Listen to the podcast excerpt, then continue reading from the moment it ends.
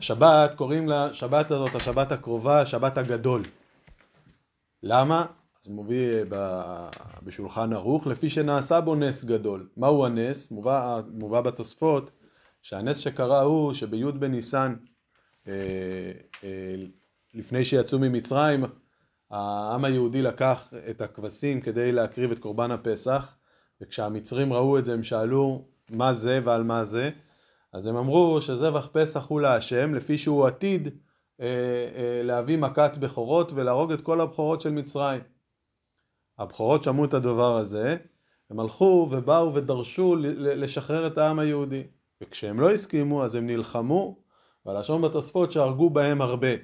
וזה מה, ש... וזה מה שכתוב בפסוק למכה מצרים בבחוריהם, שלפי הפירוש הזה, יש את הפירוש הפשוט, שהקדוש ברוך הוא היכה את הבכורים, אבל לפי הפירוש הזה של המדרש הזה, שבי' בניסן קרה האירוע הזה, אז למכה מצרים בבחוריהם, הבכורים של מצרים, הבכורות הרגו את המצרים, היה בעיני מלחמה והרגו בהם הרבה. ועל שם הנס הגדול הזה, אנחנו קוראים לשבת הזו שבת הגדול, לפי הנס הגדול שהיה שם. וכשאנחנו שומעים על זה, הביאור הזה מובא בפוסקים, מביאים את זה אחר כך, שזה כטעם, יש עוד ביאורים, אבל זה ביאור שמובא הרבה בפוסקים, מובא בתוספות. והשאלה הגדולה שנשאלת, מה כל כך גדול בנס הזה? הרי הקדוש ברוך הוא אה, עד, עד אותו אירוע, עד י' בניסן, נתן כבר תשע מכות. מעבר לניסים שמשה רבנו עוד עשה קודם. המכות שהקדוש ברוך הוא נתן על מצרים היו מכות כאלו שהביאו את מצרים לכאורה בסופו של דבר לשחרר את עם ישראל ממצרים. כלומר, יש, לכאורה אנחנו רואים בזה איזושהי תועלת, הקדוש ברוך הוא היכה את מצרים בדם, בצפרדע, בכינים, בערוב. על אף אחד מאלה אנחנו לא חוגגים איזושהי שבת מיוחדת באמצע השנה ואומרים זה לזכר הנס שקרה באותו היום. ודווקא על נס כזה, שלכאורה תועלת ליהודים לא קרה מזה. עדיין בי' בניסן באותה השנה היהודים לא יכלו לצאת ממצרים. ועדיין אומרים על זה שאפילו עבד לא יכול לצאת ממצרים.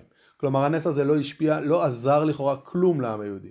וזה שכמה מצרים רבו עם מצרים אחרים, מה התועלת הגדולה בנס הזה שלכן אנחנו מייחדים שבת מיוחדת לנס הזה, לאירוע הזה, מציינים את זה מדי שנה בשנה, קוראים לזה שבת הגדול על שם הנס הגדול הזה, כאשר מדובר באיזשהו עוד אחד מהאירועים בתהליך הזה של, של יציאת מצרים, וגם במשהו שלכאורה לא הועיל כלום לעם היהודי. אז התשובה היא, הביאור הוא ביאור נפלא, שנותן לנו איזשהו מבט נוסף על משהו שקרה באותו אירוע דווקא, יחסית לכל האירוע של יציאת מצרים. כתוב בזוהר הקדוש, שאחת המעלות הגדולות של יהודי, זה שיש לו את היכולת להפוך חושך לאור ומר למתוק. כמובן שזה לא מתייחס לחושך גשמי ואור גשמי, אלא הכוונה היא חושך במובן הזה שכל דבר של קדושה, כל דבר של אלוקות, כל דבר של, ששייך לקדוש ברוך הוא זה אור, ואילו דברים שמנגדים לקדושה זה חושך, והחידוש הוא, זה צריך לשים לב, החידוש הוא שיהודי לא רק מתגבר על החושך, אלא היכולת של יהודי להפוך חושך לאור. החידוש של יהודי שהוא יכול להפוך מר למתוק, הוא יכול להפוך. כאשר יהודים לאורך הדורות נאבקו עם כל מיני צרות, כל מיני גזרות, כל מיני אנשים שרדפו אותם בחושך, אז האופן שבו הקדוש ברוך הוא בא והציל אותם, לרוב היה באופן כזה שבו האור התגבר על החושך. כאשר הקדוש ברוך הוא היכה את מצרים ונתן להם מכת דם, מכת צפרדע, מכת קינים, מה בעצם קרה פה? הוא היכה, הוא בעצם הסיר את החושך, הוא התגבר על החושך. הוא היכה את מצרים, ולמצרים לא הייתה ברירה, הם שחררו. כאשר היהודים מתקופת חשמונאים נלחמו ביוונים, אז בעצם יש את היוונים, נלחמו בהם, השמידו אותם, הסירו אותם והתגברו עליהם. לא הייתה כאן הפיכה של חושך לאור. אבל אנחנו יודעים שבסופו של דבר המטרה היא להפוך חושך לאור, כאמור מהזוהר, שזה החידוש של יהודי, שיש לו איזושהי תכונה, איזושהי מאבק עם משהו, וההישג הגדול ביותר הוא שהוא מצליח להפוך את הדברים. ההפיכה המושלמת תקרה רק כשמשיח יבוא, שאז יהיה את רוח הטומאה האוויר מן הארץ, ואז בעולם הגשמי והחשוך אנחנו נראה ונכיר ונדע שהקדוש ברוך הוא הוא זה יכירו וידעו כל עמי הארץ את, את, את, את, את, את הקדושה ואת אלוקות בעולם. זה יקרה לעתיד לבוא. אבל התהליך הזה כבר קיים במידה מאוד מאוד מסוימת בעולם שלנו היום. שיהודי יכול לקחת משהו שהוא חושך, משהו שהוא מנגד ולהפוך אותו, למצוא בו את הדברים שיכול להשתמש בהם לקדושה. לא רק להתגבר. ההתחלה של זה קרתה באירוע הזה של שבת הגדול.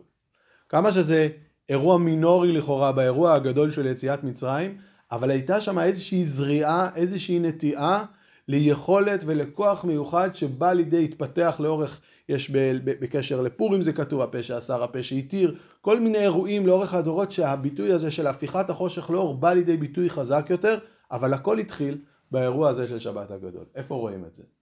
כאשר יהודים נמצאים במצרים, ומצרים עם כל העוצמה שלה, אין סיכוי לעבד לצאת ממצרים, כלומר מצרים עדיין לא נשברה, היא נשברה רק כעבור חמישה ימים, ארבעה וימים, בלילה של ט"ו בניסן, רק אז מצרים נשברה. מצרים עומדת בשיא התוקף שלה ב- ב- ביום י' בניסן ולא מוכנים לשחרר את עם ישראל ממצרים. ואז מה קורה? הבכורות של מצרים, האנשים הכי אה, שמבטאים את העוצמה של מצרים, את התוקף של מצרים, הם באים בדרישה למצרים לשחרר את עם ישראל ממצרים. כלומר נעשה פה משהו שהמצרים בתוך עצמם, מצד אחד הם בשיא העוצמה שלהם, הם לא נשברו. הם נשברו רק במכת בכורות בפועל. אבל מצד שני הבכורות שלהם, אלו ש... למה הקדוש ברוך הוא היכה? בסופו של דבר כי הבכורות, הבנים הגדולים במשפחה הם אלה שמייצגים את הדעה המשפחתית, את העוצמה של, של העם. הם אלו שבאו ודרשו לשחרר את עם ישראל ממצרים.